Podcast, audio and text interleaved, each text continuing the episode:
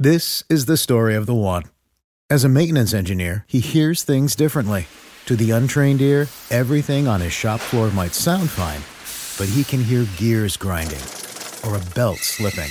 So he steps in to fix the problem at hand before it gets out of hand. And he knows Granger's got the right product he needs to get the job done, which is music to his ears. Call, clickgranger.com, or just stop by. Granger, for the ones who get it done.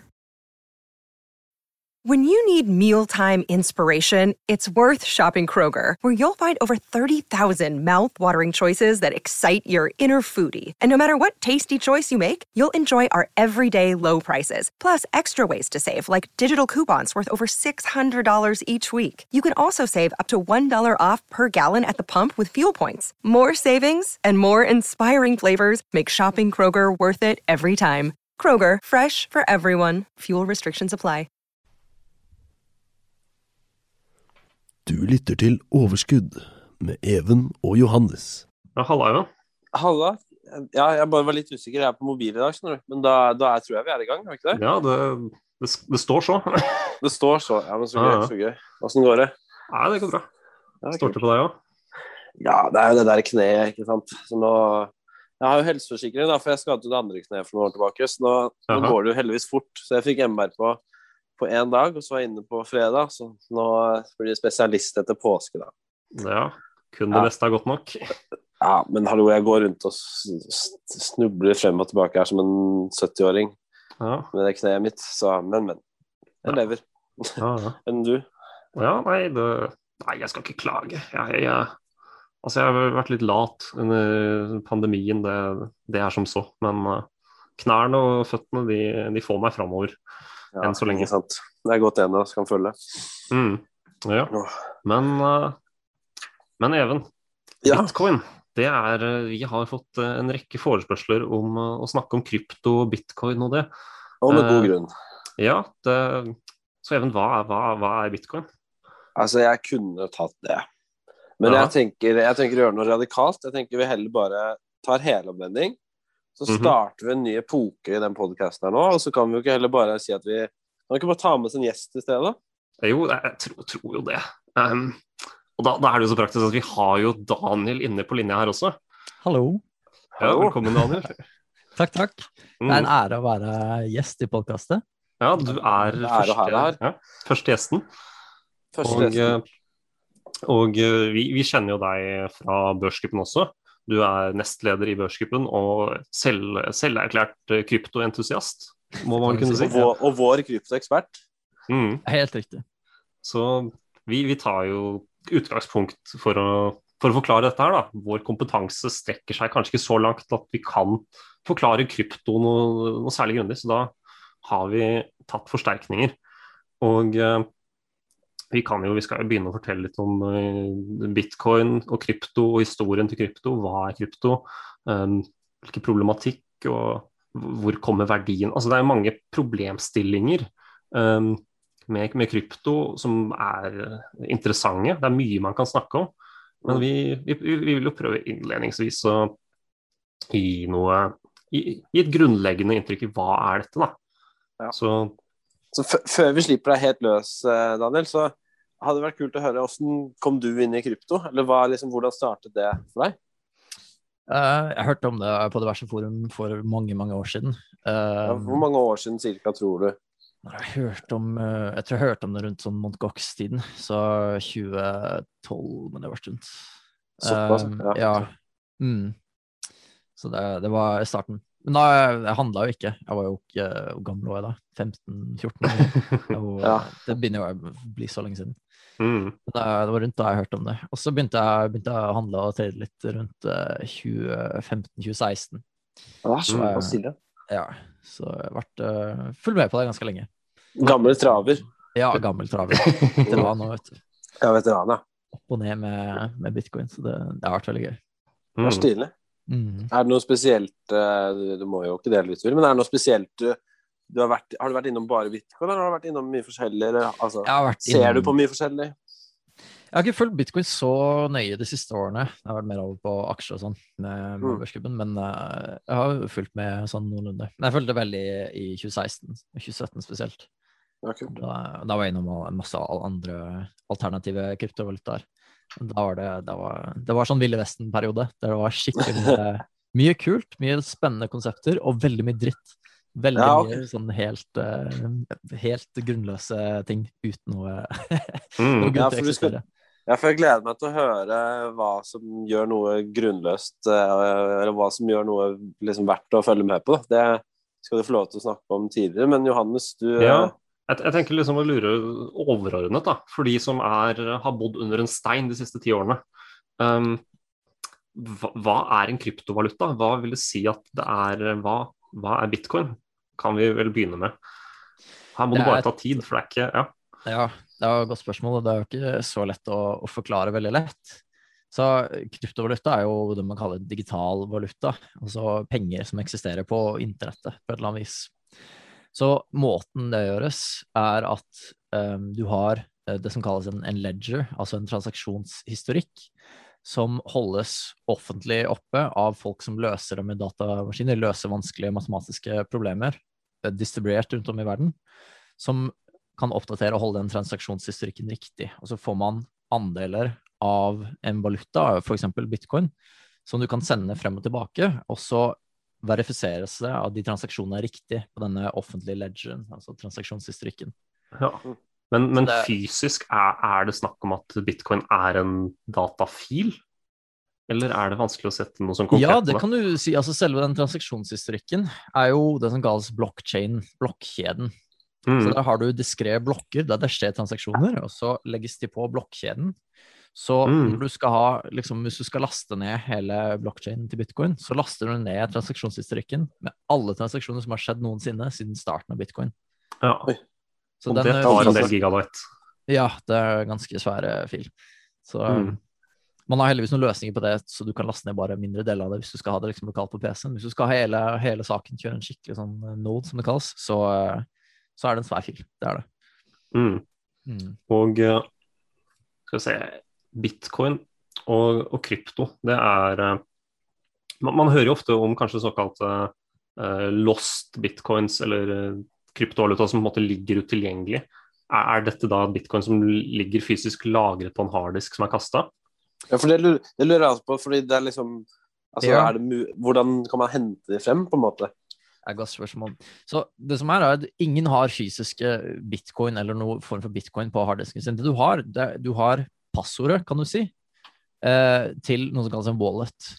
Så på bitcoin-blokkjeden så har du masse nesten uendelige adresser som bitcoin kan stå i der liksom du, du har kreditt på visse adresser Mm. som eh, har bitcoin på seg. Og så har du en privat nøkkel til din adresse som lar deg sende bitcoins. Så du har, du har to adresser. Du har den offentlige adressen, som er den adressen du sender til, og så har du den private nøkkelen, som er den du bruker for å sende ut med. Så når folk mister bitcoin på harddisken, som vi snakker om, så mister de den private nøkkelen sin.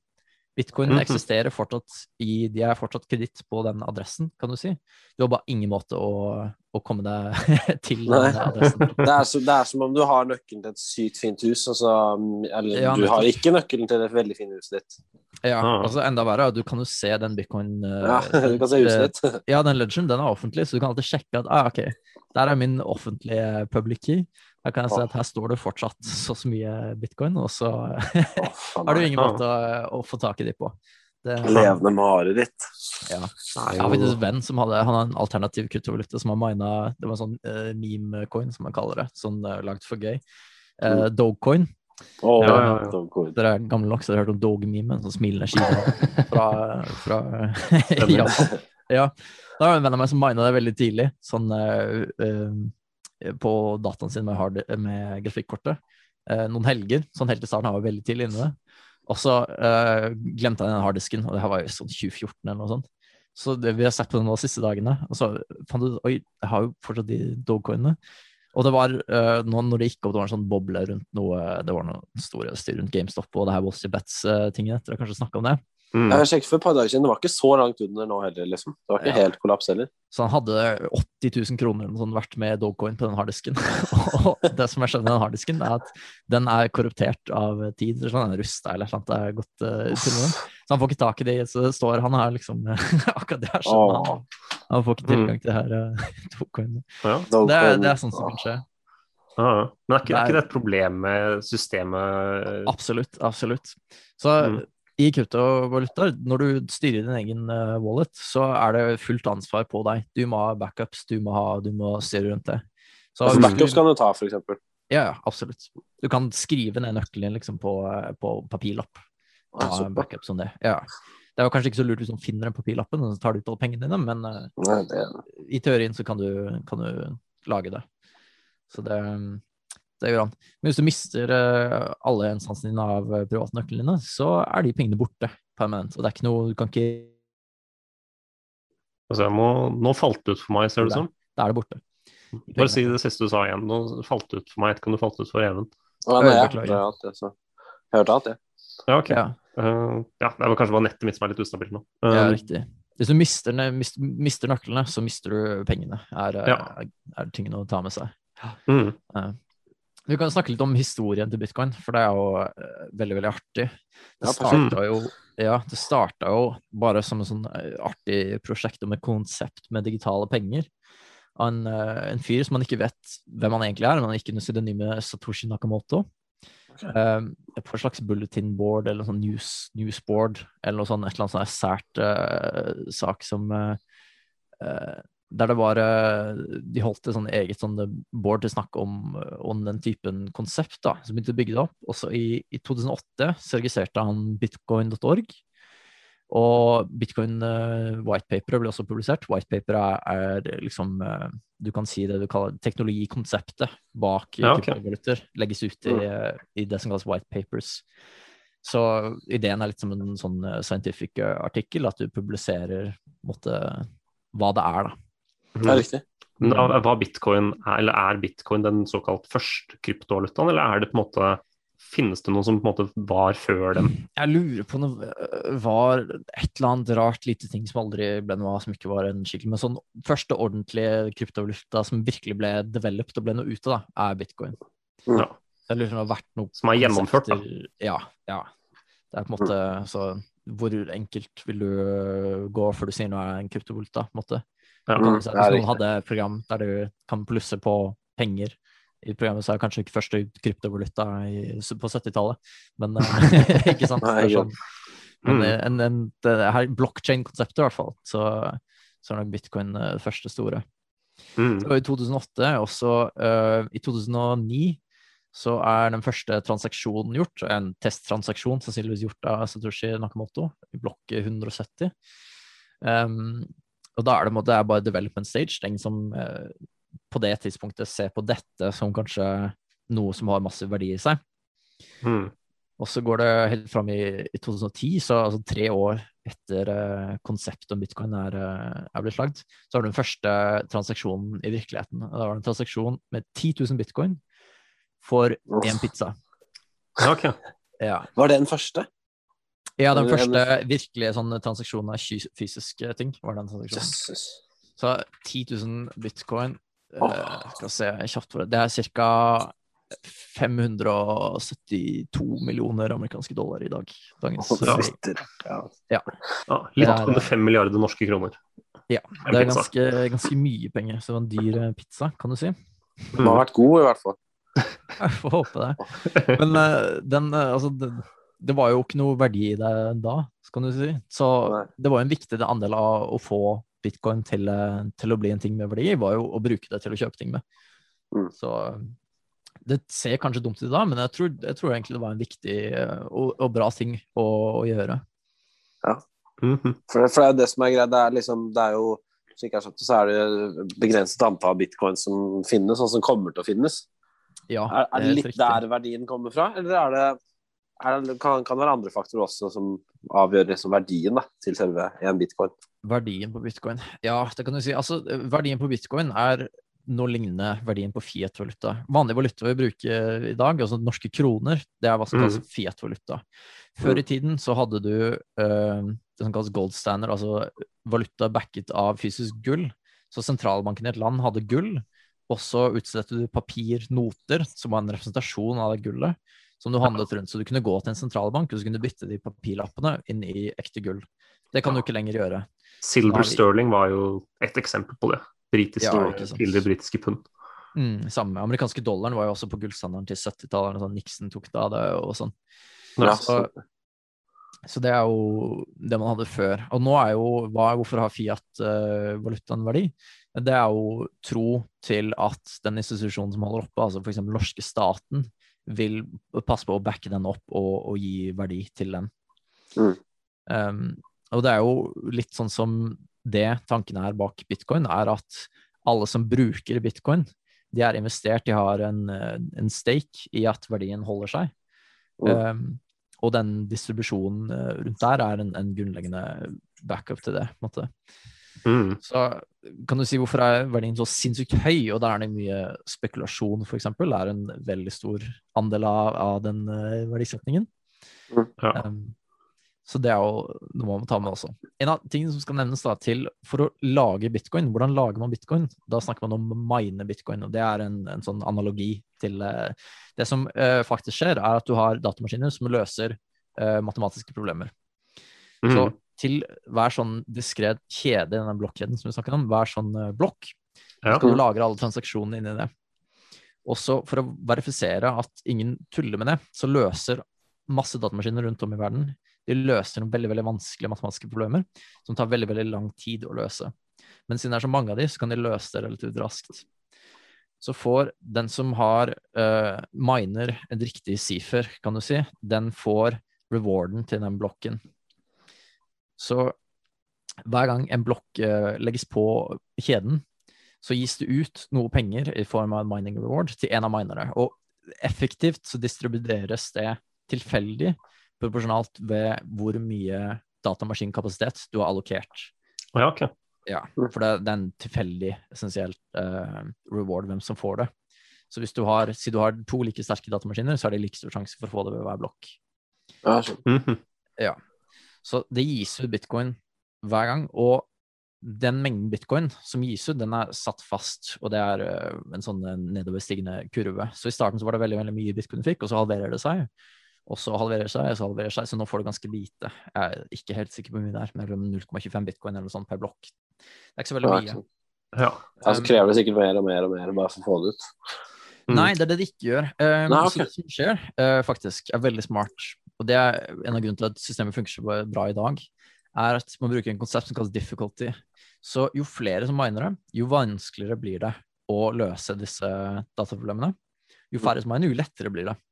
Så du kan skalere opp hvor vanskelig det er å få ut bitcoin med hvor mange som aktivt prøver å mine det. Yes. Ja, så det som skjer da, ikke sant, når bitcoin-prisen går opp, så er det jo flere som ønsker å, å mine. For hvis det gis ut si, for, for enkelt, si du får ut én bitcoin per blokk, og det er 300 stykker som prøver å mine det der, så tenker du oi, det, det vil jeg på. Og så da kommer det flere og flere miner inn, og da går difficultyen opp. Mm. Så da blir det vanskeligere å få de, sånn at det alltid gis ut en blokk, jeg tror det er 20 minutter eller noe sånt cirka på, på en blokk, det er et eller annet sånt. ja. Men hva men er hele premisset for bitcoin at mining må skje? Hvis mining, hvis man, hvis hele verdenssamfunnet Ja, som- stoppet å mine, hva, hvordan ville det sånn hypotetisk påvirket? Er det, er det mulig på Aner jeg ikke. Altså, ingen ville verifisert noen av transaksjonene som skjer da. Så det første Mm. er at du kunne ikke handle med bitcoin lenger. Ja, Hvis okay. ingen miner. Ja. Men da vil det jo også være, ikke sant, hvis du er den ene som miner, så vil du hver gang få hvert 20 minutt få 0,25 bitcoin, og så eh, Ja. Mm. var det 200 000 kroner eller noe sånt.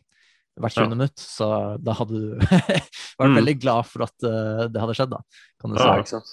Nei, for jeg leste et sted at, verden, at alle bitcoiner kommer til å være minet i sånn år 2100 eller et eller annet sånt. da.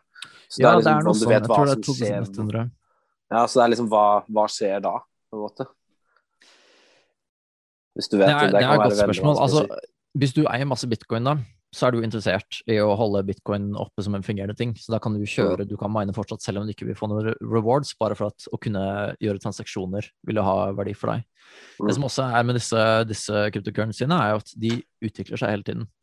Så de er ofte open source-prosjekter, og så bygges de på hele tiden. Teknologien forbedres hele tiden. Ja. Kunne du forklart hva det vil si at det er en open source, et open source-prosjekt? Ja, riktig. Så istedenfor at det er et firma som utvikler programvaren, så er det masse folk verden over som samarbeider og jobber gratis. Eller ofte så eier de jo bitcoin selv og er interessert i at uh, Ja, ja, ja. den uh, stiger. Men folk samarbeider for å, å utvikle den infrastrukturen uh, som ligger bak uh, bitcoin. Mm. um, offentlig. Men det som kan skje der, da, at hvis det er et eller annet stort problem som oppstår, og alle er enige at ok, vi må endre noe for å Mm. løse det, så kan man enten endre det på selve hovedkjeden, eller så kan du gjøre det som kalles en fork, at du skifter over prosjektet, og så lager du en ny versjon som er basert på den historiske versjonen. Så alle som har eh, penger for eksempel stående på konto, vil få ekvivalent mengder av den nye versjonen. Ja, Så der kan du endre til f.eks. noe som kalles proof of stake concept, der du, jo mer du har stående på konto, du vil få en viss prosentandel i året f.eks. For, eksempel, for å kunne lage inflasjon. Mm. For øyeblikket så fungerer det, det som kalles en proof of work-modell, som er det bitcoin fungerer på nå, eh, fungerer veldig bra. Vi vil nok gjøre det fram til eh, 2100. Okay. Ja, ok. Se som skjer da. Mm. Vi får bare holde oss i form, så får vi se hva som skjer. Nei, vi får gjøre det. Ja. Ja, Mm. Det er målet. Nei, men så, jeg lurer, så da, Vi har jo gått liv på det, vi kan jo fokusere på det. Hva, hva er liksom bitcoin sitt bruksområde, eller hva tror du det kan være i fremtiden? Jeg har jo hørt om, Vi hørte jo om en pizza. Um, ja, riktig. Men uh, det finnes vel andre ting Bruksområdet Det er jo mye. Eh, Skal vi ta historien videre først, kanskje? Hva som skjedde Ja, hvis du har noe, så kjør på. Ja, Mm. uh, for det som i, i 2010 da, så var det denne pizzaen uh, ble solgt. Okay. Eh, og da begynte ting å, å virkelig ta seg opp. Da kom det folk, folk som var veldig nerdete, på, å henge på forumet og interessert i sånne digitale ting. De begynte å, å ta øye av det her. Og da begynte man å, å handle litt seg imellom. Og så bygde man etter hvert eh, exchanges, samme som du har børser rundt om i landet, så har du krypto-exchanges, der du kan handle gjerne fysisk, eh, altså valuta til kroner, mot Mm. bitcoins. Så en veldig stor en formet seg i, i Japan, og det hadde med handelsreguleringer og, og litt sånn, for det var ikke alle som ville la det handle masse Alle land som ville handle masse det her usikre securityen, eller hva du vil kalle det, Ja. eh, som det var ansett på den siden. Så eh, en stor exchange, altså en stor børs for uh, kryptovaluta, eller bitcoin bare, formet Mm. seg som en Mount Gox i Japan i, i 2010. Den ble established da. Og så, og da var fortsatt bitcoin-verdien var veldig lav. I 2011 så nådde bitcoin-verdien likt en dollar, så da kunne du kjøpe en bitcoin for en dollar. Og det var, mange så på det som en voldsom boble. At det var, det her er tull, her må man selge. Det var mange som solgte på én og to dollar. Da var det en ganske store salg. Men det fortsatte opp. Det viste seg at folk eh, trodde på bitcoin. Mm. Og i, eh, i Hva er det 2011, tror jeg, rundt 2011-2012 en gang, da, da, da En av tingene også nå er at på dette tidspunktet i bitcoins historie, så er hva brukes bitcoin til? Den brukes til å kjøpe rusmidler på ulovlige nettsider. ja, dette kommer allerede her, ja. Dette Ja. Darknet Markets. Silk Road var her. Så i eh, Silk Road åpner rundt 2011, mener jeg det er. Da, da var det den typen ting begynte å, å skje. Og da fikk man virkelig bruksområde til bitcoin. Og selv om det var Det var sånn det ganske stabby bruksområde, så var det veldig viktig bruksområde. For at du løste, løste et problem for disse folkene som ikke kunne handle ulovlige ting. De kunne plutselig Mm. handle ulovlige ting med et middel som hadde masse verdi. Mm. Og som var lett å gjemme, på en måte. Eh, Ja, det kan du si. Og politiet visste jo ikke hvordan de skulle se på det her, ikke sant. Så det var masse Ja, Ja, Uregulert For- har det jo vært lenge. Mye fordeler for de folka. det var det. Så i 2011, eller 2012, rundt, rundt den perioden, så har du også det største krakket i, i bitcoin. For da viste det seg at Mt. Gox de hadde blitt hacket. De var insolvent, de hadde ikke mengden midler som de Mhm. trodde Og hva de hadde. slags, eh, hva slags selskap er det? De var de som drev en børs? Ja, det var de børsen med bitcoin. Du kan si det var de facto bitcoin-børsen. Det var Mt. Mm. Skulle du handle bitcoin skikkelig, så var det Mt. Gox i Japan. Det var det Mm. du handla. Um, så du kan tenke deg litt sånn som Tenk deg om uh, DB aksjesparekontoen din. Om, eh, om de plutselig en dag sier Oi, du, vi har blitt hacka. Det viser seg at for hver aksje du hadde, så har vi bare 0,2 aksjer igjen. Mm. Det var ganske, ganske drastisk. Ja. Så det førte til enormt fall i tiltroen til bitcoin. Du fikk et skikkelig krasj der. Um, og det skapte en utrolig spennende situasjon senere. For vi vet jo nå at bitcoin-prisen jeg tror på toppen var rundt 1000-1200 dollar eller noe sånt. Rundt Mt. Gox-krasjet. Falt ned til 200 dollar eller noe sånt. Det var et enormt fall. Mm. Etterpå eh, på bitcoin er jo massivt høyere. Så det som skjedde, er at Mt. Gox ble jo slått konkurs på det tidspunktet. Ja, og steg- på et punkt hvor bitcoin da hadde falt, ble det slått Ja. konkurs. Ja. Så da var jo målet deres å, å gi ut Konvertere disse bitcoinene, gi ut til kreditorer i, eh, kreditorer i Fiat-valuta. Altså japanske yen sin var registrert i Japan. Mm. Siden det her var en stort og nytt konkursting, og den type ting ikke hadde skjedd før, ikke sant? det var ikke noe konsept om et konkurs med en sånn børs, uregulert sak, og hva er bitcoin, ingen visste. Det tok mange år å få fiks på det. Men Ja, ja, ja. så skulle gi- bitcoin-prisen opp. Så du hadde en utrolig fascinerende situasjon der et konkursbo plutselig har massivt mye mer verdi enn hva de skylder alle kreditorene sine. Mm. Det er unikt. Ja, det skjer jo aldri. Ah, Så, Hele premisset med konkurs er jo at du ikke kan betale. ikke sant? Ja. Ja. Du har ikke nok til å, å gjøre opp uh, for egenkapitalen din. Mm. Da, det, det som skjedde da, er at det ser eh, Kjapt googla det nå, men de satt igjen med rundt 200 000 bitcoins eller noe sånt etter, eh, etter hacket. Mista 850 000 bitcoins i det hacket. Og så skal de da selge disse til mye høyere pris etter hvert som flere år senere.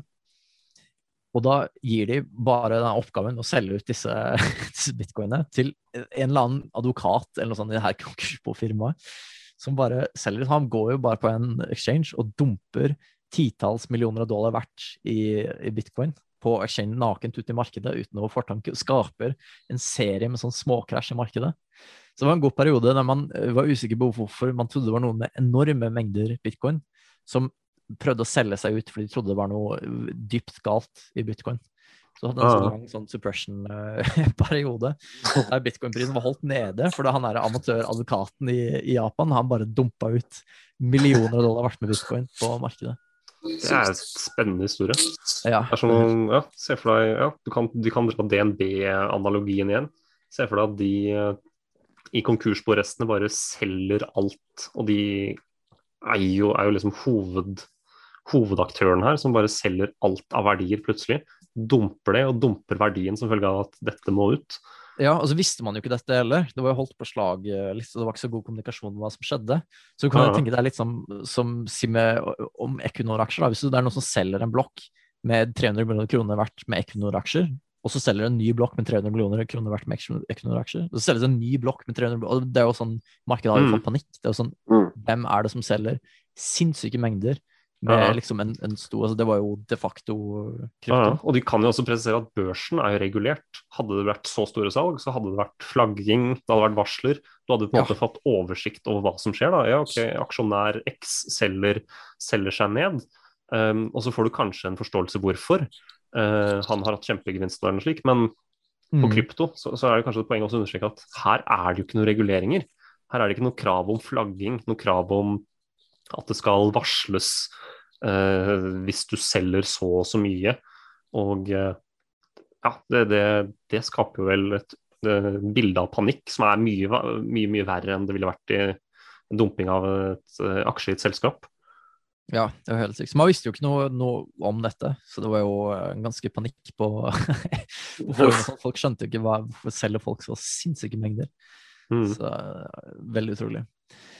Så du har, eh, det her er jo i 2011-2012, med Cox-casher, så har du en lang sånn periode der det begynner å komme inn nye exchanger, Coinbase eksempel, en stor en. Mm. Eh, og så skjer, skjer det ikke så mye, men du har en ny periode der det kommer mye andre typer kryptovalutaer. Så er andre Folk lager sånne open source-prosjekter og prøver å prøve ut andre konsepter enn bare bitcoin. Kan man bruke blockchain til å lage noe annet? Så en, en stor en som man kanskje har hørt om, er Ethereum. Med tanken om smartkontrakter og sånn, der hvor du kan gjøre utrolig mye. Du kan lage programmer som kjører automatisk på blockchain, og bruker den underliggende valutaen, altså Edders, til å, å kjøre de kontraktene. Ja, okay. en, eh, en av de mest suksessfulle som har kommet ut av, å komme i den perioden. hva, vil, hva vil du si at det er en kontrakt? Er det Eh, altså, den ser etter conditions som må oppfylles, og når de er oppfylt, så gjør den noe. Det er liksom det som ligger i, i kontrakten. Så det er, det er et program som kjører og tar visse inputs, og så gjør den noe til en viss tid eller med en viss condition. ah, Ok. Ja, det er, jeg tror, tror det er et litt vanskelig konsept, men det er jo generelt krypto. Det er veldig abstrakt, ja. Men det som er fordelen med det er så abstrakt, er at det lar deg veldig, gjøre veldig mye. Så for eksempel, Ja, okay. Noen av en av tingene som har kommet som ligger på, på Taum-kjeden, man kanskje har hørt om, er det her NFT-art. Non-fungible tokens. Så, Ja, ja, ja. ja, Kunst. Man, Digital Ja. kunst. ja, ja, Ja, stemmer det. Stemmer, jeg har sett det. Vær stille. Ja. Så da kobler man kunsten til, eh, eh, til disse smartkontraktene, på en måte. Så du lager eh, eierskap til kunsten gjennom, Mhm. eh, gjennom Ethereum. Ja, ok, Så det er, det er en slags Veldig sånn at du har, du har opphavsretten på dette her ved den blokken her, eller noe slikt? Eller er det Ja, for eksempel. Ja, eller denne kunsten, NFT-tokenet, lages, kobles til din adresse. Ja, Mm. ja ok. Ja. Ikke, ikke helt som på blokken, at den er kobla til en blokk. Det er det ikke. Nei, blokken er på en måte bare en, en, et tidsrom med transaksjoner. Ja. Hvor Ja, ok. blokken, ja, det er det som lages en blokk. Mm. Så går de kontinuerlig og bygger på hverandre. Mm. Derfor er en blokkjede en blokkjede. Kjede med blokker. Mm. Ja. Og det har jo også det, i den perioden utvikla seg vel Du har nevnt Ethereum. Um, Mm. Men er det andre varianter uh, som, som på en måte prøver å ha, ha andre fordeler, andre tilnærming? Masse, masse øh, konsepter. Du har jo for eksempel øh, Dog, der det underliggende prinsippet var at den hunden på bildet var søt. Um, det har fungert, Støttes. Det tydeligvis. støttes. Ja. Det er nå, altså, hele Dog uh, Var det ikke den er verdt milliarder? Så Ja. det, ja, ja, det er ganske vilt. Ja, ja, ja. Ja, det er ikke noe, jeg forventa liksom at her skal det være noe mer. Det kommer noe mer som du skal si nå. Det kommer noen sånne Nei, den- underliggende Det er ikke noe, Masse det er ikke noe bedre teknologi. Det er ikke noe, det er bare, hun er søt. Dog, Dogecoin. Åh, fantastisk. Det er verdt milliarder. Det, ja, det er ikke noe mer enn det. Ja, ja. Det er jo liksom, så, Sånne ting er jo Man Mm. skjønner jo at folk eh, kan tenke at det er mye tull med det her bitcoin. Ja. Og noen av de tingene er jo, er jo tull, men man må jo også tenke at de som lagde bitcoin, de som legger mye verdi inn i det her, er jo sånn turbonerder som satt på de forumene tidligere og sånn, sitter med store mengder bitcoin. Og hvis de Mm. syns den hundemime er cute, så Ja, ja. de masse av de, de holde verdien oppe. Så det er jo men og, sånn som Ethereum er jo, der har du jo virkelig ganske Fornuftig hensikt, i hvert fall. Som bygges ut. Som løser virkelige problemer i virkeligheten, og, og legger til verdi Mm. til mm. samfunnet. Så det er, eh, det er noe tull, og veldig, veldig mye kule, fete teknologier som ikke fantes før. Ja. Som eksisterer ute. Ja. Det er jo Monero og sånn som man har hørt om i nyhetene. Det er jo Riktig, Ripple, riktig. og det er jo Du trenger kanskje ikke gå i dybden på alle disse, de har jo hvert sitt eget konsept og sine fordeler. Men Mm. Hva, sånn, sånn raskt forklart, hva, hva er noen av de måte, andre sidene man prøver å Ja. Monero for eksempel er jo en veldig kul en. Altså, Problemet med bitcoin du, Vi snakket om det her om, eh, om Silk Road og, og sånn, kjøpe ulovlige rusmidler på, på nett, på darknet. Um, et problem med bitcoin er den transaksjonshistorien. Den er, eh, den er offentlig. Alle kan se hvor ting går inn og ut fra. Ja. Så problemet var at hvis du gikk på en børs og kjøpte bitcoins, sendte du det til din private adresse, og så sendte du det til det som uh, man brukte, det som kalles escrow-accounts. Det har du på Finn, for eksempel. Da har du en escrow-account. Du sender det til en mellombruker når du skal gjøre en transaksjon med noen. eh, Ja, ja. Og så holder de det midlertidig, og så får du tingen, og så sier du alt er greit, og da løses de pengene ut til den endelige eh, Ja. av de pengene. Samme gjøres på, på darknets. Hvis ikke så ville jo folk bare sagt hei, jeg sender deg masse hasj, eksempel, og så sender du pengene, og så får du aldri hasjen, men de får pengene. Det hadde vært eh, leit for de stakkars hasjbrukerne. Ja. ja, ja. Så løsningen er escrows, som da brukes uh, her. Men det som skjer da, er at disse escrow-kantene, de er jo da De kan man jo veldig lett finne, for at alle sendes jo til en enkelt adresse ja ok.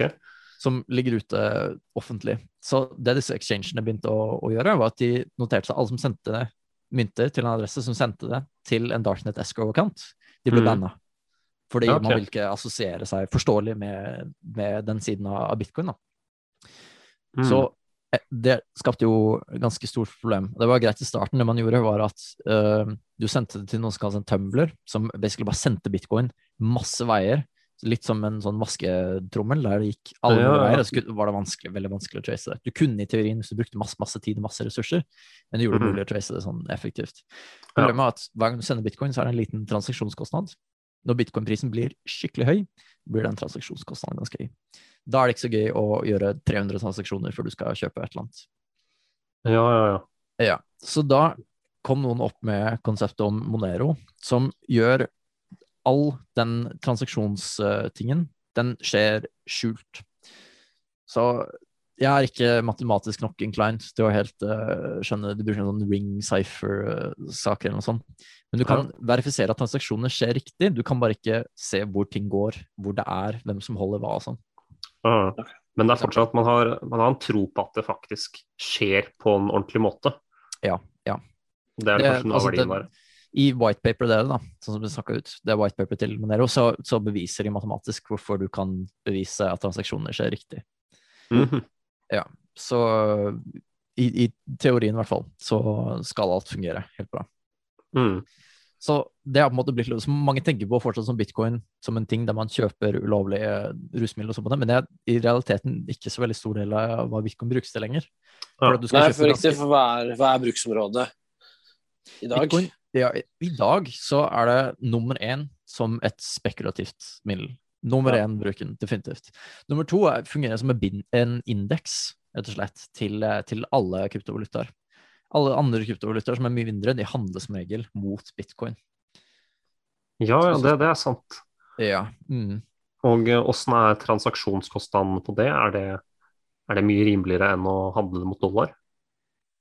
Nei, men uh, det som ofte Du kan si en av fordelene hvis du bare handler rent i kryptovalutaer, er at hvis du ikke har lyst til å snakke med staten om hvor mye verdier du har i kryptovalutaer, så trenger du ikke å gjøre det.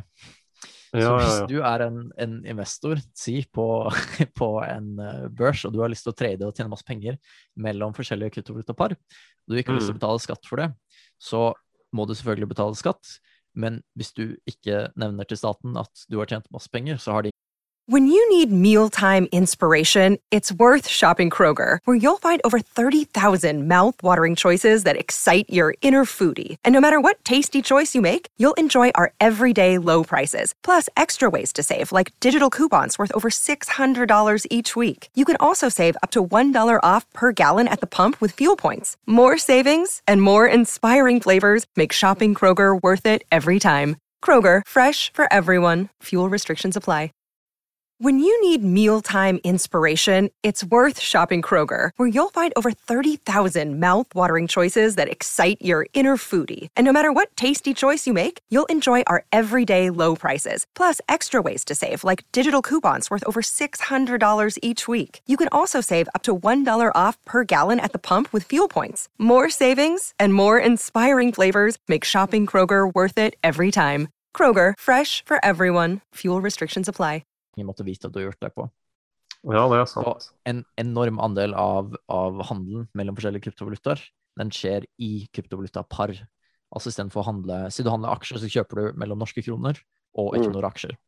Mens i kryptovaluta så kan du kjøpe mellom bitcoin og ethereum. Så du har ethereum, og så kjøper du bitcoin for ethereum. Eller Mm. vice versa. Men altså, altså, din handel det er, jo sånn slags folk som spekulerer, men det er jo Og det, og det er kanskje noe av de er kanskje tradere da, som, som tar og ser det Rett og slett tar eh, såkalt teknisk analyse, tegner fine streker, Definitivt. Uh, Ja, ja, ja. support resistance og, og den slags. Ja, det, det finnes jo egne basically det, Du kan kalle det omtrent et hedgefund. Uh, som der det finnes uh, folk som kommer fra finansbakgrunner og hedgefund-bakgrunner, som aktivt trader i, uh, i kryptovalutaer. Nå er det såpass developed at eh, den typen eh, eh, finansiell trading som du ser skjer med, med aksjeopsjoner og sånn, den, den skjer også i, eh, i bitcoin. Ja. Det er eh, en milliardindustri eh, rundt eh, finansielle handler i bitcoin og andre kryptovalutaer. Ja, for jeg lurer på hvor, hvor likvid det er egentlig. Altså hvor lett, hvor kort tid hadde det tatt meg å sette opp Coinbase og kjøpe én bitcoin, liksom? Hvor lang tid hadde jeg brukt på det? Der er det med eh, Når du skal De fleste som selger deg bitcoin mot fiat-valuta, altså norske kroner. De vil ha ID-en din før de eh, lar deg kjøpe noe. Mm. Så der er det Tiden går ikke på å uh, kjøpe det, tiden går på at en fysisk person må verifisere at du er deg, den du sier du er. Så du må liksom sende en skann av ID-en din. Her er passet mitt. Oi, det er såpass? Ja, ja. Mm. Så, men det man kan gjøre, da, i teorien, ikke at jeg, dette er ikke advice til noen, men Ja, du kan i teorien sette opp en bruker på, på en exchange, legge inn passet ditt der, kjøpe f.eks. Monero, sende til en privat adresse, og så sende det til en annen exchange som handler bare i kryptopar. Og den nye exchangen, den trenger du ikke å si noe om hvem du er til. Da legger du inn ditt bare brukernavn, og så er brukernavnet din identitet. Og så kan du handle i andre par. Og hva som skjer med de pengene derfra, det er ingen som vet annet enn du. Nei. Mm. Mm. Så, men ja, for å kjøpe selve den første transaksjonen, da, så tar det det, det går i perioder, gjerne. For det er, altså, den limiting factoren, den er noe med å sjekke ID-en din. Stort Ja. sett. Ja. Så i perioder med syke oppsving så kan det gå to uker, tre uker før noen får sjekka ID-en din. I perioder der det er skikkelig dødt eller markedet krasjer, så kan du få sjekka ID-en din på dagen, som regel. Det kommer Jeg hørte jo- mm. Ja, nei, for jeg hørte jo Røkke hadde kjøpt 1170 stykker, liksom. Ja. Så, men det er jo Når det- kanskje ikke typisk han som har skannet passet sitt. Og... Nei, når det er snakk om så mye, da, altså, da kontakter du gjerne en ekspert i, i feltet som lar deg komme direkte inn med, med større kontakt, ikke sant? for da er det jo mange mange millioner. Men som en privatperson, da, hvis du skal handle for under en million kroner f.eks., så vil du nok skanne skanne din. Så det er sånn. Mm. Ja, men sånn utover dark web, du nevnte fun fact, jeg så, jeg tror det var Det var noen som viste meg Sidesproen da jeg var på besøk hos dem, sånn 2014-2015 og sånn. Og Det Mm. var interessant nok, men da husker jeg at da hadde vi mulighet til å kjøpe bitcoin for sånn 1500 kroner, tror jeg. Ja. Så det var 150 dollar jo ut. Ja, så det var jo Men vi var ikke 18, så det var jo vanskelig å få til.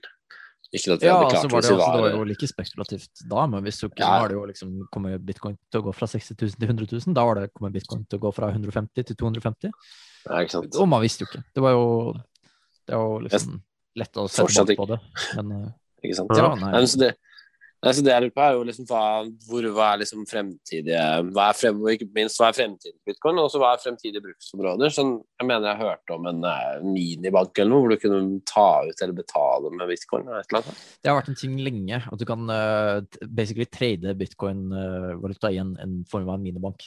Og da er det essensielt, litt sånn som eh, når du handler mellom valutaer. Når du er i utlandet, er du på flyplassen, skal du ha ut eh, euro, men du har norske kroner. Og så går du i banken og så sier du jeg skal euro, og så gjør de en transaksjon der internt, og så får du ut eh, Så det er litt samme. De kjøper bitcoin for deg, eller du sender de bitcoin fra en adresse Eller hvis du skal kjøpe bitcoin, så vil jo du betale inn fiat-valuta, og så kjøper de bitcoin for deg på en exchange, og så sender de de bitcoinene til en adresse for deg på et eller annet vis. Ja. Mm. Eller motsatt, du betaler en bitcoin, da sender du bitcoin til en adresse gitt på den minibanken, Mm. og så får du ut penger der. ja. Mm. Men på en måte sånn, det største bull-caset på, på krypto eller bitcoin, det er jo at det en dag i framtiden vil være egnet til å erstatte vanlig valuta. Da. Og eh, hva er på en måte caset for det? Hva, hva, er, hva er det som er fordelaktig med krypto versus eh, en alminnelig valuta som norske kroner eller dollar eller den slags? Største fordelen er jo at det ikke er en enkeltenhet som sitter og eier alt sammen. Så Mm. for eksempel så er jo også world reserve-currencyen i i verden nå er jo den amerikanske dollaren. Og hvis da USA har en skikkelig dårlig pengepolitikk, så vil du få en devaluering av den Ja. amerikanske dollaren. Og det, er, det kan ikke du gjøre noe med. Mens i, i bitcoin for eksempel, så ligger jo grunnleggende, eh, grunnreglene de ligger jo ute i koden som unngjør bitcoin. Ja. De kan ikke endres på like lett. Mm. Så der at det er distribuert, at det ikke er én person som sitter med potensiell makt til å gjøre et eller annet sinnssykt, det er jo en, en stor ting. Ja, for i dollaren i fjor, eh, og det er jo sånn snakk om at krypto og inflasjon, krypto som en inflasjonshedge, er jo, er jo veldig aktuelt. da. Mm. Og eh, man ser jo i fjor, eh, jeg leste en statistikk om at eh, 40% av alle amerikanske dollarer ble printet i 2020. Og det, det er jo sånn, Ja. hvis man tenker over det, så er det ganske vanvittig. Det er helt Er det? er Ja. helt vilt. Mm. Og uh... Det, er jo, det har jo lenge vært Folk har jo tradisjonelt handlet gull for å hedge seg vekk fra valutarisikoer. mm, Um, men bitcoin er jo et alternativ som man prøver å få det til der. Så Mm. største bullcasen er jo at bitcoin blir et reelt alternativ til gull, og gjør opp en, en viss prosentandel proporsjonalt med, med gull. mm, Så jeg husker ikke hvor det var noe sånn hvis eh, bitcoin utgjør 3% av gullmarkedet eller noe sånt, eller er det 1 Jeg må google. Men da er bitcoin-prisen rundt 100 000 dollar. Og nå er vi jo ganske nærme der, men for si fem år siden, når den lå på, på 2000, så var det helt insane å tenke på en pris på 100 000, for eksempel. Ja, ikke sant. Så, mm. men tiltroen til bitcoin øker og øker jo. Hvorfor det? Ja, så er det, ville, er det potensielt mulig i det hele tatt å ja, si at jeg kunne gå på butikken og betale med et kort hvor det står bitcoin på? Er det liksom er det, en, er det fysisk mulig å få til, eller Ja, det er en dårlig løsning, det brukes ikke det. Um, så du kan sende penger med, med bitcoin, helt fint. Du kunne betale med, med bitcoin. Det var jo tanken i starten. ikke sant? Du kjøpte denne pizzaen for 10 000 bitcoin. Boom, Mm. var en pizza. Hold den. Men uh, bitcoins teknologi er veldig sikker, og den passer på at alle transaksjoner skjer riktig. Men måten du gjør det på, er at det tar tid de verifiseres matematisk. Mener du må Mm. vente 20 minutter før du kan sette i sten at den transaksjonen den har skjedd. Den har gått gjennom. Og det er veldig kjipt for deg å gå på butikken og si du, jeg skal ha en iskrem. Og så sier de den er good, så bitcoin, sender du bitcoin, og så må du sitte i 20 minutter og chille før du får spise isen din. Mm. Det er ikke så hyggelig. Men Så man har, mm, man har andre, andre kryptovalutaer som man gjerne bruker i stedet eh, for å gjøre sånne korte transaksjoner. Der er det ikke Jeg vil ikke si det er en skikkelig god løsning på det enda, man jobber med det. Men en ting som kan skje, da, eksempel, som kanskje er en, en bedre løsning, er å si at bitcoin etter hvert blir mindre spekulativt og når en, en endelig på en måte, final eh, verdi. Du har et område der det er ganske sånn stabilt, at ikke bitcoin kan øke og falle med 80% i året. Mm. Um, det som kan skje da, er at da kan jo f.eks. en bank sette ut og si ok, du kan holde bitcoin hos oss, og så kan du handle i vår sånn lokale, bare på vårt datasystem, valuta. Eh, som er Altså, du vil basically lage, istedenfor å ha en gold-backed currency, uh, så har du en bitcoin-backed currency. Mm. Så istedenfor samme med, med før du hadde Fiat-penger, ikke sant, så hadde du penger der det grunnleggende under var gull. Du kan ha penger, men det grunnleggende under er bitcoin. Og da kan du gjøre raske transaksjoner. Og så kan de gjøre opp de internt, f.eks. en gang om dagen. Det handler basically litt på kreditt, da, med collateral ja, eller Ja. ja, sikkerheten er eh, bitcoin. Ja, for eksempel. Så det er jo en av tingene bitcoin eh, kan bli. Kan bli den, den underliggende tingen som har verdi i, Mm. eh, i pengene til folk. for Ja, for en bil hadde vært mulig å kjøpe. Da, altså, da kan du vente sju minutter. Eller det er mer praktisk, Bitcoin er veldig veldig bra til å sende veldig store summer, fordi at transaksjonskostnadene er uh, flate. Det vil si hvis du skal sende 100 milliarder dollar med bitcoin, så koster det like mye som å sende 5 dollar med bitcoin. Ok, ok. Ja, okay. mens i virkeligheten du skal ha wiretrans på liksom, skal sende en milliard dollar, så er det ganske store kostnader som følger med å sende den transaksjonen da, i, virkeligheten. Så det er en av, en av fordelene og ulempene. Ja. Nå begynner jo, begynner jo internett å bre seg an eh, i hele verden. Det er noe man kunne sagt på tidlig 90-tall òg, men, eh, men altså, vil det være allmenn tilgjengelig, tror du, på en måte? Eller, eller er det Ja, det er faktisk noe man har sett. eller Nei, altså, den, den som på en måte implementerer bitcoin, så krever litt kunnskap. Men når man har sett da, for i Venezuela og andre steder, så har folk begynt å handle i perioder der det har vært skikkelig dårlig situasjon med deres lokale valuta. Så har folk brukt bitcoin som en de facto valuta i stedet. Mm. Så det, det er noe som man har sett i, i flere år rundt om i verden. Sett i Afrika, sett i Venezuela, sett i Sør-Amerika. ja, Argentina har det også Ja. vært sterke tendenser til det. Riktig. Hvis lest. Brukes som de facto valutaen, for man stoler ikke på den lokale Fiat-valutaen. Stoler Mm. ikke på at staten din opprettholder verdien i pengene dine. Og når du har f.eks. hyperinflasjon, som du har i, eh, i Venezuela, så er jo det veldig forståelig. Ja. Så da, og da, er- er liksom der en av bitcoin en, en virkelig god løsning til det. Ikke sant? Mm. Mm. For det er ingen for det, det er jo snakk om det der 21 millioner antall uh, bitcoins, som er det høyeste antallet det vil kunne eksistere, har jeg hørt. Ja. Så det som er uh, interessant med det, det er jo bra og dårlig på, på to vis. Det her går jo tilbake litt med, med problemet med gullstandarden. Hvorfor ikke ha en, en gullstandard? Det som skjer da, er at jo, jo større Altså gullmengden, den øker ikke så veldig, veldig mye. Ja. Så hvis da industri og sånn vokser masse, og du har en ganske flat mengde med gull, så skjer jo det at da blir gull veldig mye mer verdt. Mm.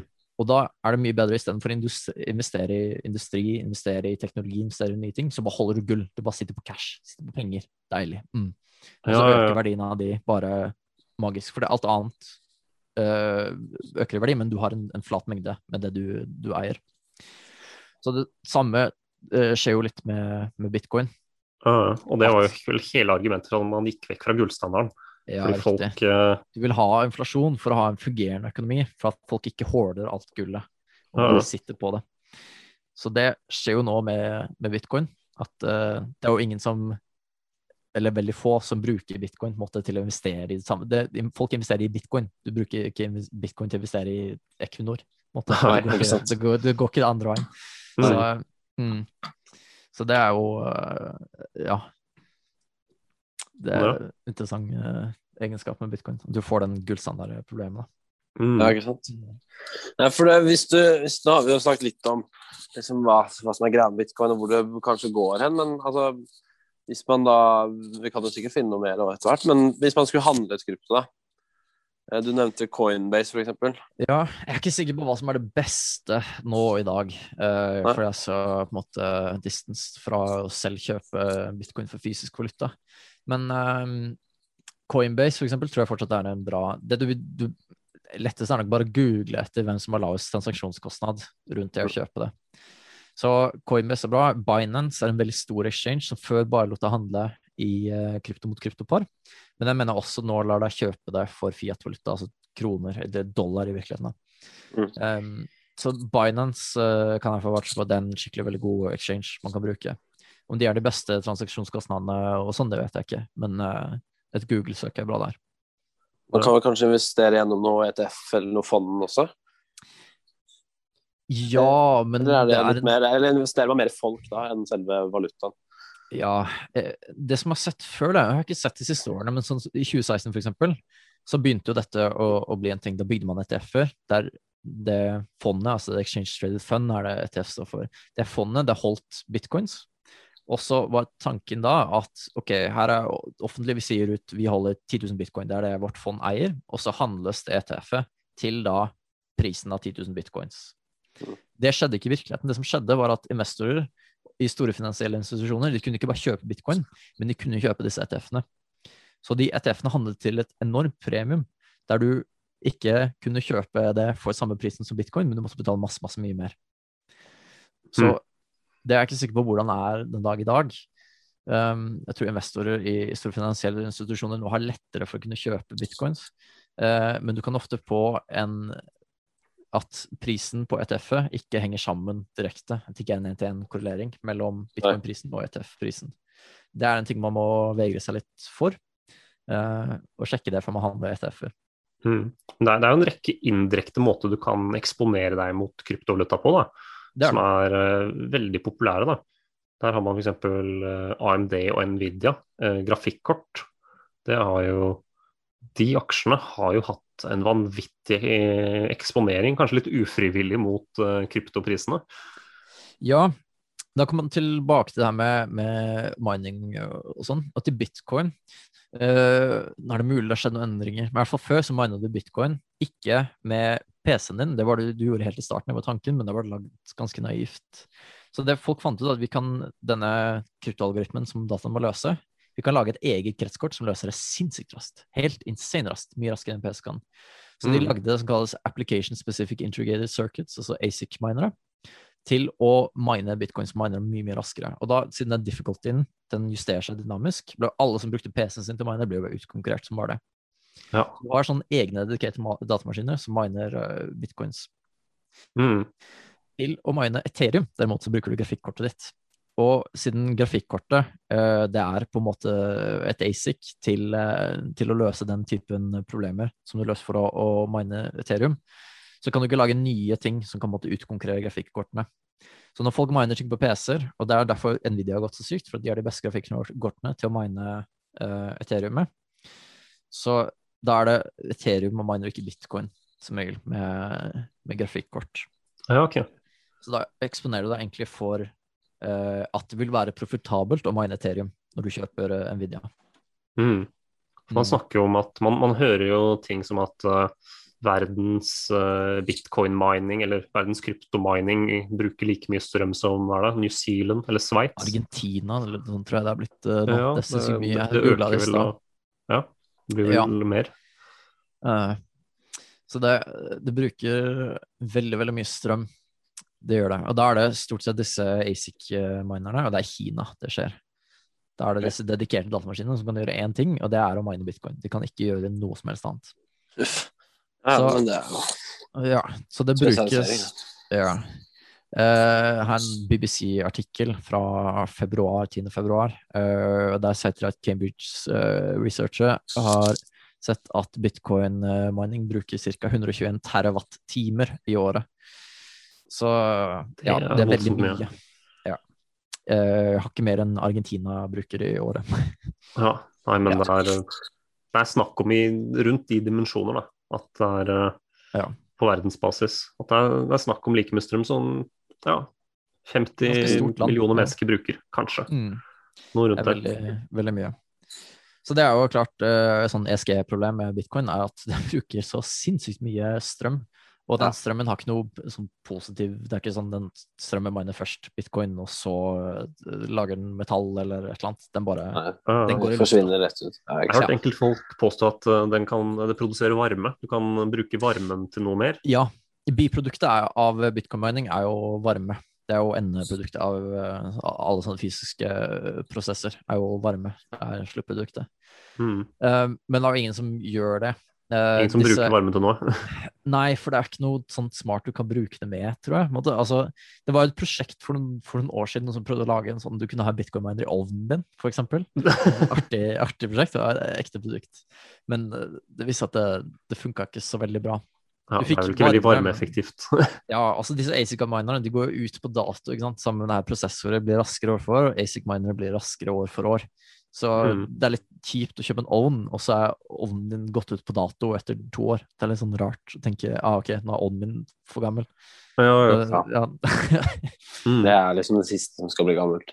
ja, det, det er uvant konsept for meg å tenke på sånn ah, ovnen min er gått ut på dato. Ja, ja. Men det er, det er veldig mye man kan snakke om bitcoin og de liksom Ja, det, det faktiske, den faktiske historien om hvordan hva det brukes til, hvordan det kan anvendes og ja, de forskjellige kryptovalutaene sin anvendelsesområde. Men som, som investor, da, som en som på en måte skal kanskje tenker at de vil være langsiktige kryptoinvestorer, Ja. um, hvor, hvor mye risiko må, må du forberede deg på? Hvor mye svingninger? Hvor mye er det- er det en- 100%. Er Altså, det er, trygg det er ikke investering, noe liksom? Burde du diversifisere også? eh, Eller, ja, og- eller har ting effekt, liksom? Ja. bunnen i kryptovaluta er null. Så ikke invester mer enn det du tåler å tape, sånn virkelig når det gjelder kryptovaluta. Det har, man har tidligere sett historikerfall på 85% for eksempel, i løpet av måneder. Det er eh, en ve veldig realistisk scenario som kan skje, og man kommer sannsynligvis til i hvert fall se fall på sånn 40% eh, fremover. Ikke nødvendigvis for dagens verdi, det kan gå opp 40% og så ned 40% Men typisk det mange investorer opplever, er at de kjøper inn, og de har kjøpt toppen, og da går det 40% ned etter de har kjøpt. Så vær Ja. veldig klar for et fall hvis du kjøper inn i kryptovalutaer. I tillegg, hvis du skal diversifisere, ikke diversifiser med andre kryptovalutaer. Det er en veldig dårlig idé å si at jeg har kjøpt Ja. litt bitcoin, kjøpt litt Ethereum, kjøpt litt Dog for den stund, Ja. kjøpte, eh, kjøpt litt et eller annet annet. ikke sant? Bitcoin er indeksen for kryptovalutaer. Du kan ikke diversifisere vekk bitcoin fra kryptovalutaer. Det går ikke. Så hvis du skal diversifisere vekk eh, bitcoin, så kjøper du aksjer eller obligasjoner eller gull eller et eller annet annet. Helt Alt annet. enn kryptovaluta. Ja, du må ha en annen sektor. Mm, Ah. Ja. Så da er er det typisk Ja, det er det, så man må være var hvis man skal investere. Er det kanskje typisk sånn Vil du si de fleste trader det, eller er det en vesentlig andel som investerer dette her, av de som sitter på det i dag? en god variasjon, eh, rett og slett. Altså, som sagt, så bitcoin er jo indeksen for kryptovalutaer. Mm. Eh, Så folk som har en tro på at kryptovaluta og blockchain-teknologien kommer til å være brukbar, anvendbar og, og givende fremover i tid, de kjøper bitcoin, og så sitter de på bitcoin i årevis. Og det er jo nå eksempel sånn som man så Musk eh, gjøre. Det er nok en, en lengre tidshorisont eh, investering han gjorde. Han kjøpte var det 20 milliarder dollar Hvor mye var det han kjøpte? Husker du det? Jeg tror ikke det var riktig En dagslønn. Han kjøper en dagslønn. Ja. han har eh, jeg, jeg tror det var snakk om ja, overkant av en milliard dollar. Uh, Ja. tror Ja, det var, ja, var så voldsomt 1,5 milliard uh, bitcoin in January. Mm. Og så hadde de jo tjent vanvittig mye på Etter annonseringen så gikk jo bitcoin på den nyheten, så det ble jo Ja. en svær uh, Jeg skal sjekke her i januar La oss si det var slutten av januar, da. Rundt høyest. mm. Uh, ja, han har omtrent uh, økt det med en og en halv gang. Så nå er det en tre og en halv milliard eller noe sånt. Ja, jeg leste det, de har, at Tesla har tjent mye mer på det enn noensinne de har tjent på å selge biler. Ja, ja, ja. Eh, det, Jeg har jo gått ganske mye null på å selge da, i Mm. Teslas eller ja, Jeg lurer på om Tesla nå Tenk om Tesla nå begynner å korrelere med bitcoin. Ja, det kan jo skje Mm. lite grann, da. Men det er jo av en markedsverdi på ja, hva er det? Eh, 600 milliarder dollar, og eh, med eksponering på 1,5, kanskje 2 milliarder dollar i bitcoin, så er det, Mm. det er nok relativt lite enn så lenge.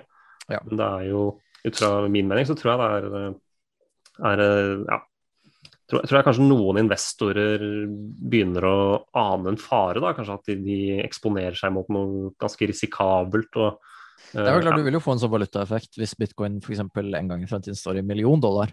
Mm. Så har jo dette økt i en veldig veldig stor posisjon i Tesla, Tesla sin Ja. aksjeverdi. Da er det jo, ja, da kjøper du Tesla, kjøper du en stor andel bitcoin i prosessen. Så det kan jo være skummelt. Ja, og det er jo det er jo si, det er, en rekke problemer kanskje da, for et selskap å faktisk operere sin, eh, operere sin, si, sin balanse gjennom krypto. Vi, som du snakket om, Det er kanskje et potensial i framtiden at eh, bitcoin kan stabilisere seg, eller at, uh, at man kan snakke om at det er eh, svingninger som en vanlig valuta. da, 4% i måneden pluss minus maks. Det er jo ideelt. Og da kan jo også, i tillegg til at banker kan begynne å, begynne å ta det som sikkerhet, så kan også da uh, selskaper i større grad også vurdere å handle på det. Men uh, enn så lenge så er det jo Det vil man neppe eh, se noensinne. Men det du kanskje kan håpe på, som er better case, er at du ser at krypto, eh, eller bitcoin, uh, har prisbevegelser som ser ut som gull. Ja, OK. At det er, det er prisbevegelser, men de er ikke 80% på en måte. Du, har, du kan ha svinger, men de er mye mest stabile. Ja. Mm. Mm. Det er nok mer det realistiske scenario, tenker Ja, jeg. i ok. hvert fall. Ja, Men hva er de største risikoene med, med bitcoin? Altså sånn, vi, vi snakket om hva de historisk har kunnet gå ned, men hva er det som på en måte Mm. kan felle dem? Er det noe som kan gjøre at de største frykten er jo at det er et eller annet teknologisk feil som ingen har sett, og som noen får lang tid til å uh, utnytte, og greier å da på et eller annet vis flytte alle disse midlene, lukke alles, alles tilgang til, uh, til bitcoin, f.eks. Mm. Um, motbydet mot det er jo dette som snakket med å, å forke open source-prosjekter. er at Du kan bare forke bitcoin og bare uh, gjøre disse bitcoin-hackene til å ikke ha skjedd. Det har skjedd før, f.eks. i Ethereum. Så okay. har du, du har Ethereum Classic, som, eh, det- hvor det var et stor hack på Ethereum-kjeden. Uh, og så lagde man en ny Du forka Ethereum, og det er nå de facto Ethereum. Når du handler Ethereum, så handler du den Ethereum som er den forka versjonen, der de bare sa ok, de, da var det 200, millioner dollar, eh, 200 millioner dollar som har stjålet, eller noe sånt. Så det, at, nei, det skjedde ikke, den transaksjonen gikk aldri. Og så er det noen som har holdt i live Ethereum Classic-kjeden, fordi de mener at man skal ikke gjøre sånn, og en del sånne filosofiske retninger ja, ja, innen kryptovaluta og sånn. Uh, men så man kan gjøre endringer for det, da. Mm -hmm. uh, den andre, en annen stor sånn fair, da, er, eh, er de her uh, kvantumdatamaskinene.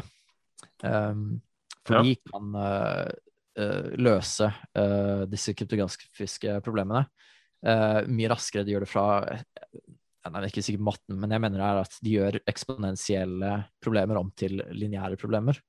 Eh, så ting som øker eksponentielt, altså går fra liksom to til fire til åtte til mange tusen år eh, i vanskelighetsgrad, eh, de går fra én til to til tre til fire. Det liksom holder. Så når du starter på f.eks. sekunder, da, så blir det ikke så veldig mye hvis det er lineært, men hvis det er eksponentielt, så blir det veldig, veldig mye. Mm. Og da, altså, da har man datakraft som er veldig mye hurtigere, da. Men hva, hva vil Ja. det Eh, bruker noe sånt etter kunne- Shores algorithm eller noe sånt til å løse det. Uh, nå er man veldig langt unna å kunne gjøre det. Ja. Men også det som sannsynligvis vil skje da, når det nærmer seg at man begynner å se at ok, disse kvantemaskinene de begynner nærmest å kunne løse disse problemene, så forker man bare kjeden og bruker en ny algoritme til, til å verifisere blokkjeden. Ja, OK. Ja, så mye av det, det, det er derfor man har denne store verdien, at til mange av de potensielle katastrofale problemene, så har du drastiske løsninger, men fungerende løsninger. Mm.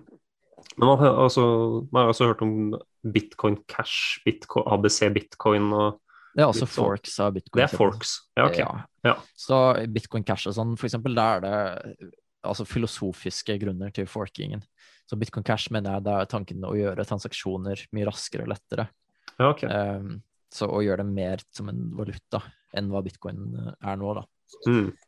Um, og for, fordelen med, med det er at hvis du eier bitcoin for en fork, så får du også fork-versjonen av den bitcoin. For den bruker Ja, for den uh, Bitcoin Cash, den er vel på noen tusen? Ja, Så hvis du hadde bitcoin før bitcoin cash ble lagd, så har du også bitcoin cash. Ja, ok, så det er en, sånn, en slags oppside ved å kunne eie det. Ja. Men, Mm. men det er ikke det, det er sånn utvanningsfare kanskje også, at man lager ja, mer valuta på den valutaen som allerede eksisterer. Nei, for det er en annen eh, versjon av bitcoin. Ja, ok. Så det blir ikke, ikke sant, 21 millioner, det er all bitcoin som vil eksisterende eller noensinne ved den nåværende modellen til bitcoin. Ja, og det er også Bitcoin Cash og eh, ABC Bitcoin, alle de andre. Ja, hvis ikke, jeg lurer på om de endra maksmengden bitcoin. Det finnes masse versjoner av det. Jeg husker ikke Ja, ok. eh, alle sammen. Det er noen av de som endrer Sånn det, noen som er samme. Det, er Ja. ikke- det er ikke noen grenser for hvilke sider ved seg den kan endre. Nei, du kan endre hva som helst. Ja. ja. Så i teorien også så kan du fjerne transaksjonshistorikken og sånn, og gjøre at ingen som hadde det, får det. Men da er det ikke så mye bitcoin igjen i det lenger. Så da kan ja, man kanskje ikke bitcoin eh, heller. Mm. Ja, så, så de som er sånn bitcoin forks, de er typisk basert på, på bitcoin-transaksjonshistorikken. De bruker den tidligere blokkjeden. Ja. Mm. ja. Hei, det begynner å så bra. Ja. Nei, Det er vanskelig å finne sted å avslutte, for man kan jo gå inn i evigheten med alle sider ved dette her. Ja, det Ja, det er det vi må være litt forsiktige med. Mm. Men, eh, men det er sant, det er jo ekstremt, og vi kommer jo ikke til å få noe mindre av dette her. I hvert fall ikke i nærmeste fremtid. Ja. ja. Men hva har du å si til Det er folk som snakker om at uh, dette her er bare tull. Uh, det er vel sånn paraphrasing av uh, Spetalen. Eh, Bill Gates mener du skal shorte Burde shorte bitcoin. når du skal, det har han sagt lenge, for så vidt. Så, Ja. men Altså, du kan jo si et, et sentiment man kan ta ut av det, er at det er veldig risikofylte uh, ting man investerer i hvis man kjøper i bitcoin. mm, Uh, og det er veldig smarte mennesker som tror at den er veldig overpriset. Så man skal være veldig forsiktig. At det Mm. bare er tull, uh, det tror jeg er ganske tull å tenke. Det har en forståelse av uh, hva, hva som, eh, som eh, blokkjedeteknologi tilbyr eh, verden, og alt det kule tingene man kan gjøre med det. mm, Um, så å si at all verdien er eh, tull, det er naivt, rett og slett. Da har man ikke lest opp og forstått hva, hva det er man snakker om. mm, men at prisingen kanskje er for høy, det kan være veldig realistisk konsern å, å tenke på. ja. Det man må ta med seg, da, er at hvis man investerer i bitcoin, så investerer man i et ekstremt risikofylt asset. Ja. Det er vel det, det aller mest Altså ja, hvis du ikke ser bort fra gearing og alt det der, så er nok kryptovaluta det, det mest ekstreme når det kommer til risiko. Ja. Um, Men verst er at den mest ekstreme risikoen du kan få, den er altså kryptovaluta, for du kan få gearing på kryptovaluta. Ja, det er sant. Ja. Det finnes en artig sånn Twitter-bot uh, som heter BitMEX Rect eller noe sånt. Det finnes en eh, exchange, på om den gikk under for litt siden, da. Men der kunne du få 100 ganger gearing på bitcoin. Det vil si du uh, kjøpte for 1 dollar, så kjøpte du 100 dollar hvert med bitcoin. Så hvis bitcoin gikk opp 1% så tjente du 100 Hvis bitcoin gikk ned 1 så tapte du alle pengene du hadde. Ja, ok, så hvis du klarte å finne en bunn å, å gå langt på, så Ja. kunne du Kunne du tjene sinnssykt. Men typisk så svinger bitcoin sånn bitte litt hele tiden Skulle. Da kan det gjerne være 2-3% sving om gangen. Så folk ble jo likvidert med en gang på det her. Så det, det var en Twitter-bot som var sånn dedikert til å tweete hver gang noen mister masse penger, så tweeta han ut at nå ble wrecked for så så mye. Så det Nei, det er helt useriøst å drive med det der også. Det er jo Det er helt sykt. Ja. Så er, altså, hvis du har 100 ganger på bitcoin, det er, det er, du Mm. blir ikke mer gambling enn det. det er sånn er 99 sjanse for at du taper alt hvis du holder lenge. Ja, det, det er tull. Men det var artig å se på fra, fra utsiden. Da. Ja, ja. Det er, eh, det er jo lotto. Det er jo så nærme det kommer lotto i investeringsverdenen som overhodet mulig, kanskje. Ja, så hvis du traff bunnen med, med 100 ganger gearing på, på stor oppside, så er det jo, du kunne jo virkelig ha vunnet lottopremie. Si det sånn i i Mm. Det, Kunne kjøpt hele Lotto. ja, det er helt, helt sykt greier. Mm. Mm. Nei, men Så bra. Det var eh, veldig lærerikt. Det var hyggelig å ha deg som gjest. Jeg syns du var overraskende god på det her. For, ja, men til, Det er ikke tilfeldig valg av gjest, vet du. Nei, men som, jeg, som en som ikke kan sånn meget mye om det, så har jeg virkelig skjønt alt og fått med meg og lært mye. Så det skjønner jeg, det kommer de, som, an- de andre som lytter, kommer til å skjønne det samme. Ja. Jeg håper du syns det var litt spennende, i hvert fall. Det er jo, mye, altså, det er jo en veldig teknisk ting vi snakker om. Så det er Mm. jo, Man trenger jo ikke å ta med seg på en måte at man føler at man forstår alt sammen, men kanskje ta med seg litt eh, At du skjønner det spennende, hvorfor folk syns det er spennende. Det, Ja. Det er kanskje Det det, er- man vil ha med ja, det er godt oppsummert. Mm. Det er jo veldig i vinden om dagen, så det hjelper jo. Ja. Ja. Folk har lyst er til å skjønne. ja, og siden det er i vinden, og siden vi snakker med det, så snakket jeg jo før sending at eh, ja, kanskje dette er toppen òg. Kanskje det er toppen når du hører på. Det er jo Det kan typisk. fort være. Eller, Ja. eh, ja. Eller så venter du en måned og kjøper, og da er det toppen, vet du. Det er det. Det Det er typisk det. det er hver gang, når, når du selv går inn, da har du truffet toppen. Det, Mm. Ja. Ja. 57 000 er det nå. ja, altså det er jo Men det har jo vært all time, flere all time high de siste månedene. Da har han jo Ja. utfordra det. Så Jeg, jeg kan si personlig da, at jeg synes nå har det vært mye bra underliggende som ligger under. Uh, så du kan få noen korreksjoner, men jeg tror ikke du får Vi er ikke på en sånn uh, type boblefall som du så i 2017 f.eks. Uh, det tror jeg ikke vi er Med. Eh, Ja. Men du kan fint få store nedganger. mm. Og mye skal man aldri si aldri.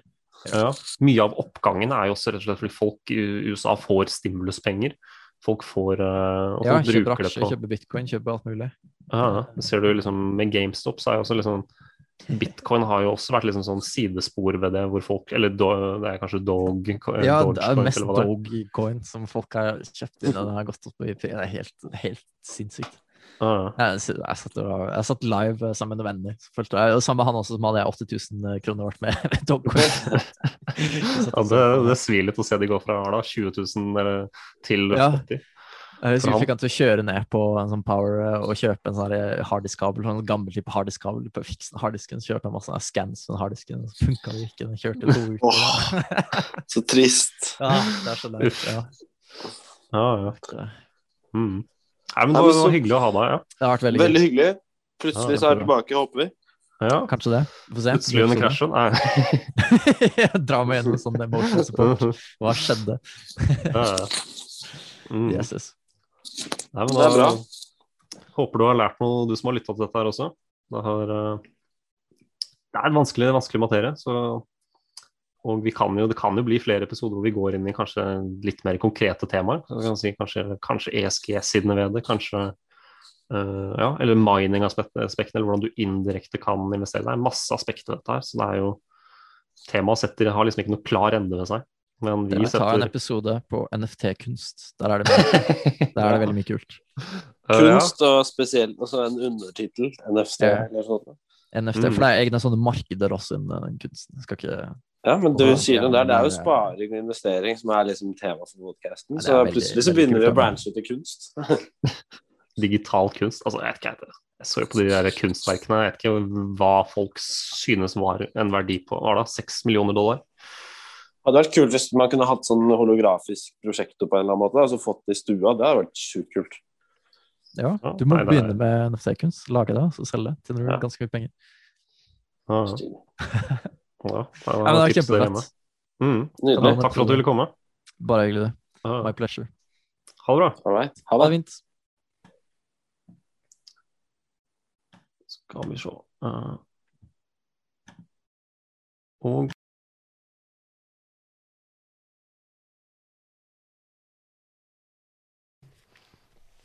Du lyttet til Overskudd med Even og Johannes. When you need mealtime inspiration, it's worth shopping Kroger, where you'll find over 30,000 mouthwatering choices that excite your inner foodie. And no matter what tasty choice you make, you'll enjoy our everyday low prices, plus extra ways to save, like digital coupons worth over $600 each week. You can also save up to $1 off per gallon at the pump with fuel points. More savings and more inspiring flavors make shopping Kroger worth it every time. Kroger, fresh for everyone. Fuel restrictions apply. When you need mealtime inspiration, it's worth shopping Kroger, where you'll find over 30,000 mouthwatering choices that excite your inner foodie. And no matter what tasty choice you make, you'll enjoy our everyday low prices, plus extra ways to save, like digital coupons worth over $600 each week. You can also save up to $1 off per gallon at the pump with fuel points. More savings and more inspiring flavors make shopping Kroger worth it every time. Kroger, fresh for everyone. Fuel restrictions apply.